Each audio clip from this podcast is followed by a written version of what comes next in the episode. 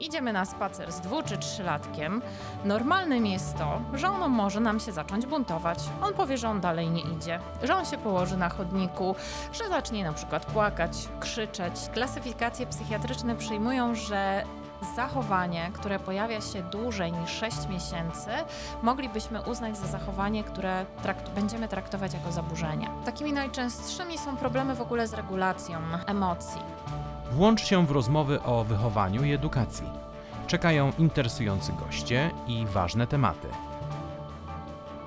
Zapraszam do studia Eduakcji. Piotr Sobolewski. Eduakcja. Przyszłość stworzą dzieci. Witajcie w studiu Eduakcji. Ten odcinek poświęcimy zaburzeniom zachowania i emocji dzieci. A jest z nami w studiu profesor Magdalena Olemska-Wysocka z Uniwersytetu Adama Mickiewicza w Poznaniu oraz ekspertka Eduakcji. Dzień dobry. Dzień dobry, witam Państwa serdecznie. Pani profesor, czym są zaburzenia zachowania i emocji u dzieci w wieku przedszkolnym? No właśnie, wszyscy się zastanawiamy nad tym, kiedy możemy mówić o zachowaniach, które już są zaburzeniem, a Mhm. kiedy jeszcze tym zaburzeniem nie są.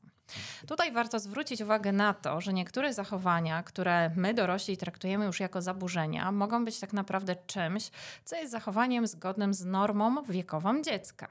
Czyli moglibyśmy wyróżnić takie zachowania, które nas drażnią z jednej strony, trochę nas niepokoją, ale takie zachowania, które naprawdę są zgodne z wiekiem dziecka. Na przykład? Na przykład to, kiedy idziemy na spacer z dwu czy trzylatkiem, normalnym jest to, że ono może nam się zacząć buntować. On powie, że on dalej nie idzie, że on się położy na chodniku, że zacznie na przykład płakać, krzyczeć, tak? Albo wtedy, kiedy dzieci są głodne, bardzo często też prezentują różnego rodzaju zachowania, które my traktujemy jako zachowania nieadekwatne do danej sytuacji, albo wtedy, kiedy są zmęczone. Przede wszystkim powiedziałabym, wtedy, kiedy dziecko ma niezaspokojone te swoje podstawowe potrzeby, będzie prezentowało takie zachowania, które dla nas, z naszej perspektywy osób dorosłych, są nieadekwatne do, danej, do, do tej, tej określonej sytuacji. Ale to są zachowania, które są zgodne z normą wiekową dziecka, tak? Czyli to nie są zachowania, które uważamy za zachowania, które są zaburzeniem. Często w swojej praktyce spotykam się z rodzicami, którzy bardzo martwią się o swojego dwu, trzy czy też czterolatka, który na przykład, no właśnie, często płacze, często w domu krzyczy, e, często na przykład rzuca jakimiś przedmiotami, albo na przykład bije mamę, gryzie mamę, tak, czy też, e, czy też tatę. Natomiast warto się zastanowić, co jest podstawą takiego zachowania. Czy to na przykład nie jest związane z postawą rodzica, ze stylem wychowania, który rodzic przyjmuje. Bo czasami jest tak, że niestety my modelujemy zachowanie dziecka i pozwalamy mu na to, żeby właśnie zachowywać się w taki, a nie inny sposób. Co więcej, często wzmacniamy zachowanie dziecka, dając mu na to, za to na przykład określoną nagrodę, czy też właśnie pozwoleniem naszym, przyzwoleniem naszym, wzmacniamy jego zachowanie. Jeśli Czyli wzm- można uznać, że nie, nie wyznaczamy odpowiednio granic i wtedy to dziecko ochoczo je przekracza za każdym razem? No oczywiście, że tak, z jednej strony. Natomiast warto zwrócić, e, warto zwrócić uwagę na to, że granice są bardzo potrzebne dzieciom w ich rozwoju. Dlaczego? Dlatego, że granice dają mu poczucie bezpieczeństwa. E, granice też pokazują dzieciom z jednej strony, co jest dobre, a co jest złe, co mogę zrobić, a czego nie mogę zrobić. Natomiast granice pokazują dziecku, że ma pewne przyzwolenie na pewne zachowanie, które może się pojawiać, ale e, dalej iść nie może. Co robić, gdy dziecko nie komunikuje swoich potrzeb? Wydaje się być nieobecne i nie podejmuje interakcji z innymi. Jak reagować na niespodziewane wybuchy złości? Jak postępować z dzieckiem, które nie radzi sobie ze swoimi emocjami? Rzuca zabawkami, jest agresywne wobec nauczyciela i innych dzieci. Jak pracować z dzieckiem wykazującym obniżony poziom rozwoju intelektualnego? Co robić, kiedy dziecko nie rozumie poleceń? Jak wspierać dziecko z trudnościami w nauce? Poznaj odpowiedzi w najnowszym programie szkoleń online. Dowiedz się, jak wspierać dzieci ze specjalnymi potrzebami edukacyjnymi w przedszkolu. Specjalne potrzeby edukacyjne tylko na platformie szkoleń online Eduakcja dla nauczycieli wychowania przedszkolnego. Zgłoś swoją placówkę już dziś. www.edu-akcja.pl ukośnik SPE. Jak to jest w grupie przedszkolnej zatem? Bo mamy nie jedno, a Mhm. wiele dzieci, Mhm. e, kiedy dziecko przejawia takie e, zachowania, które no, jako specjaliści, nauczyciele wychowania przedszkolnego wiemy, że już nie są e, w normie. Mhm. Jakie to mogą być te zachowania, które ewidentnie powinny wzbudzić nasz niepokój? Mhm. Przede wszystkim takie zachowania, które będą pojawiały się dość często. No i tutaj mogłoby być paść pytanie, co to znaczy dość często, tak? Klasyfikacje psychiatryczne przyjmują, że zachowanie, które pojawia się dłużej niż 6 miesięcy, moglibyśmy uznać za zachowanie, które trakt będziemy traktować jako zaburzenie. E, No i właśnie, jeśli na przykład jest tak, że dziecko przejawia dane zachowanie na przykład tylko w poniedziałki, tak? W poniedziałki jest strasznie drażliwe, strasznie płaczliwe, e, nie chce mm, uczestniczyć w określonych zajęciach proponowanych przez, e, przez nauczyciela, to wcale nie oznacza, że jest to zaburzenie, tylko na przykład ma problem z rozłąką z rodzicem, Mhm. tak? Zwłaszcza po weekendzie, tak? Obserwujemy u dzieci taką wzmożoną płaczliwość, trudności właśnie z rozłąką, trudności z włączeniem się w zabawy, w zabawy grupowe, ale to jest naturalne, normalne, nazwijmy to, zachowanie dziecka. Natomiast jeśli mamy taką sytuację, że u dziecka dane zachowanie pojawia się codziennie, nawet kilka razy dziennie i faktycznie jest to takie zachowanie, które też po części może zagrażać jego Bezpieczeństwo? bezpieczeństwu, Mhm. dziękuję, może zagrażać jego bezpieczeństwu, wówczas warto skonsultować się z psychologiem, e, czy też pokierować rodzica do specjalisty poza placówką tutaj przedszkolną. Jakie są najczęstsze zaburzenia zachowania i emocji u dzieci, jak pani obserwuje w swojej praktyce? Mhm. Takimi najczęstszymi są problemy w ogóle z regulacją e, emocji. Tak, przez to, że dzieci mają przesuniętą granicę, przez to, że jest wiele takich czynników, które wzmacnia e, emocje i wzmacnia też takie trudności z regulacją emocji, na przykład media, tak?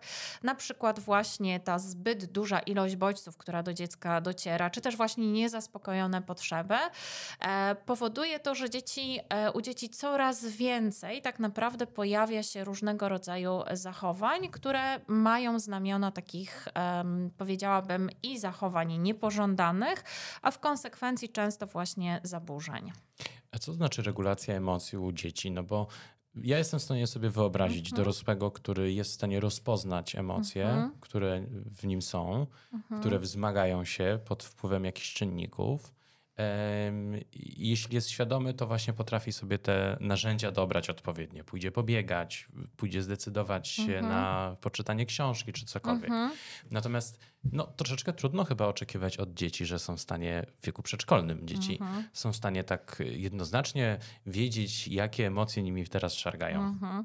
Znaczy ja bym powiedziała więcej, że one nie wiedzą, jakie Mhm. emocje nimi szargają, a tym bardziej taki dwu czy trzylatek, on wie, że jest szczęśliwy, ale to szczęście rozpatruje w kontekście konkretnej rzeczy, na przykład, którą dostał, Mhm. tak? Albo na przykład e, czuje się bezpiecznie z mamą, ale on nie powie nam, mamo, z tobą jest bezpiecznie, tylko powie, mamo, kocham cię. Tak.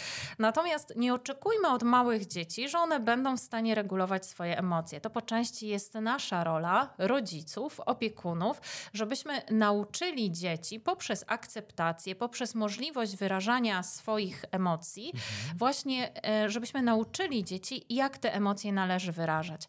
Najgorszą rzeczą, którą możemy zrobić, to nie pozwolić dziecku na złość, nie pozwolić dziecku na strach, nie pozwolić dziecku na to, żeby mogło na przykład płakać, tak? Ważna jest też akceptacja. Nie możemy wyśmiewać dzieci z ich emocji. Ty jesteś taki mazgaj, ty nie powinieneś płakać, ty jesteś chłopiec, chłopcy nie, nie płaczą, stało. nic się nie stało, no taki duży chłopak i Mhm. płacze, nie? Tak. To są często takie rzeczy, gdzie gdzieś słyszymy, czy na ulicy, czy, czy w, różnych, w różnych miejscach. Natomiast tym sposobem tak naprawdę wpędzamy dziecko w poczucie winy. No bo jaki komunikat dziecko dostaje? No ja jestem taki duży i ja płaczę, no ja nie powinienem płakać. Zawiodłem mamę, zawiodłem tatę, bo powinienem zachować się zupełnie w inny sposób. Więc tutaj ważne jest to, żebyśmy dali dziecku z jednej strony poczucie akceptacji, ale też zrozumienia i przede wszystkim dali im możliwość wyrażania swoich emocji. Dziecko nie nauczy się, czym jest złość i jak ją wyrażać, e, i nie będzie stosowało, nazwijmy to, konstruktywnych sposobów realizacji danej emocji, jeśli my mu na to nie pozwolimy. Mhm. Tylko musimy dzieciom pokazać, w jaki sposób mogą to robić. Że e, w przypadku złości, na przykład, jeśli jestem bardzo zły, ja mogę pójść w inne miejsce i zacząć na przykład tupać, tak, czy też uderzać, czy też na przykład mogę gnieść kartki, drzeć kartki, ale nie wolno mi na przykład uderzyć koleżanki, nie? Mhm. Więc fajnie jest tworzyć taki kodeks złości, który pokaże dziecku też, co mogę robić, jak jestem zły, a czego mi wolno nie ro- czego, czego Nie mi wolno robić, nie robić. wolno. Ale tak. to jest trochę tak, że no, trudno też oczekiwać od dziecka, że od razu zaakceptuje taką, taki kodeks, No, prawda? że to jest kwestia że czasu. No oczywiście, że tak. To jest też nasza rola dorosłych, żeby pokazać im i żeby dać im coś w zamian. Mhm. To tak jak my, jak mamy jakieś nałogi, nie przestaniemy na przykład palić z dnia na dzień, tylko potrzebujemy trochę czasu i potrzebujemy coś w zamian. Nie? Tak. Tak, samo jak my mamy jakieś swoje rzeczy, które bardzo lubimy robić i nagle z różnych przyczyn, na przykład zdrowotnych, musimy z tego zrezygnować, no to żeby y, przejść tak, do kolejnego etapu, to ja muszę dostać coś w zamian, żeby te Najlepiej moje pozytywnego potrzeby, też. oczywiście, coś Mhm. pozytywnego, tak? Więc tutaj taką fajną e, rolę pełnią różnego rodzaju wzmocnienia. Dzieci Mhm. bardzo lubią, jak są chwalone, tak?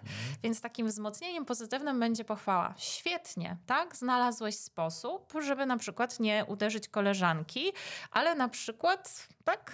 Jakiś inny, który, który da dziecku możliwość wyrażenia swoich emocji, a jednocześnie my wzmocnimy daną sytuację i to też będzie takim pozytywnym odbiorem, odbiorem dla dziecka, tak? Że jest jednak jakaś rzecz, która, która tutaj, Tutaj mogła zostać zastosowana. Wspomina Pani o, o, dorosłych, ale jak to jest? No chyba sam dorosły musi wiedzieć i umieć rozpoznawać swoje emocje, żeby wiedzieć, jak wspierać e, Mhm. swojego podopiecznego czy swoje dziecko. Dokładnie, dokładnie, Mhm. właśnie, dokładnie właśnie tak. Zresztą e, często powtarzam, że jeśli chcesz pracować z dziećmi i jeśli chcesz e, pokazywać dzieciom, czym są emocje i w jaki sposób należy z nimi pracować i jak sobie radzić z trudnymi emocjami, to też samemu trzeba wiedzieć, jak to robić. Mhm. No nie wyobrażam sobie sytuacji, kiedy rozemocjonowany nauczyciel e, daną sytuacją, tak, czy danym wydarzeniem, które miało w przedszkola, cały taki nabuzowany negatywnymi emocjami, wkracza do grupy przedszkolaków i próbuje ich uspokoić. Najpierw powinien zadbać o siebie, Mhm. siebie wyciszyć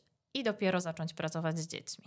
Zresztą e, na pewno sami jako rodzice wiemy, że jeśli jesteśmy bardzo zdenerwowani, to na zasadzie po prostu też takich, powiedziałabym tutaj trochę nawiązując do tej teorii lustrzanych neuronów, że my tak przekazujemy, nie? Na zasadzie Projektujemy to. odzwierciedlenia, nie? Mhm. Te emocje. Modelujemy te zachowania. Tak, te emocje takie negatywne też, więc jeśli no, my jesteśmy smutni, to dzieci bardzo od razu widzą, że, że ten smutek gdzieś jest, coś jest powodem i też tak naprawdę zaczynają być, zaczynają być smutne. I tak samo jest ze złością, ze strachem, czy też z emocjami pozytywnymi. No właśnie, i często y, słychać w świecie, że mm, my troszeczkę nie akceptujemy tych negatywnych emocji. Mhm. Boimy się smutku, Mhm. lęku e, i, i, i troszeczkę staramy się wyeliminować na rzecz tylko tych pozytywnych. Mhm. W jaki sposób zatem e, wspierać dziecko w zrozumieniu tego, że każda emocja jest u nas e, ok? Mhm. Znaczy, przede wszystkim e, jeszcze to podkreślę, że powinniśmy dzieciom mówić i pokazywać, że są emocje negatywne, żeby nie ukrywać tych emocji negatywnych, bo jeśli nawet sami przed dzieckiem będziemy ukrywać, że jesteśmy smutni, że jesteśmy źli, że się czegoś boimy, to tak naprawdę nie będziemy szczerzy i prawdziwi wobec dziecka. I dziecko wypracuje u siebie taki schemat, że moja mama nigdy się niczego nie boi, ona jest taka Mhm. odważna, a ja się boję tego szczekającego psa. To znaczy, że ze mną coś jest nie tak. To też nie buduje u dziecka prawidłowej jego samooceny. To jest bardzo ważne, żeby być przy dziecku naturalnym, żeby mu mówić o tych rzeczach, które są rzeczami też e, w tym przypadku emocjami negatywnymi. Tak, w ten sposób, kiedy dziecko obserwuje nas, osoby dorosłe, też uczy się, w jaki sposób regulować u siebie te emocje i w jaki sposób je przeżywać. Czyli jeśli mamy takiego Antosia, który jest wściekły na to, że ktoś zabrał mu zabawkę Mhm. w grupie przedszkolnej, to czy jako nauczyciel y, warto by było pomóc mu nazwać te emocje Oczywiście, najpierw tak. i dopiero potem reagować? Czyli Oczywiście, Antosiu, jesteś tak. zły, tak? Antosiu, widzę, że jesteś wściekły. Karol zabrał ci zabawkę. Mhm. Ważne jest, żeby nazywać te emocje, a nie mówić, Boże, Antek, jaki ty jesteś niegrzeczny. No znowu robisz awanturę, że ktoś ci zabrał zabawkę, Mhm. tak?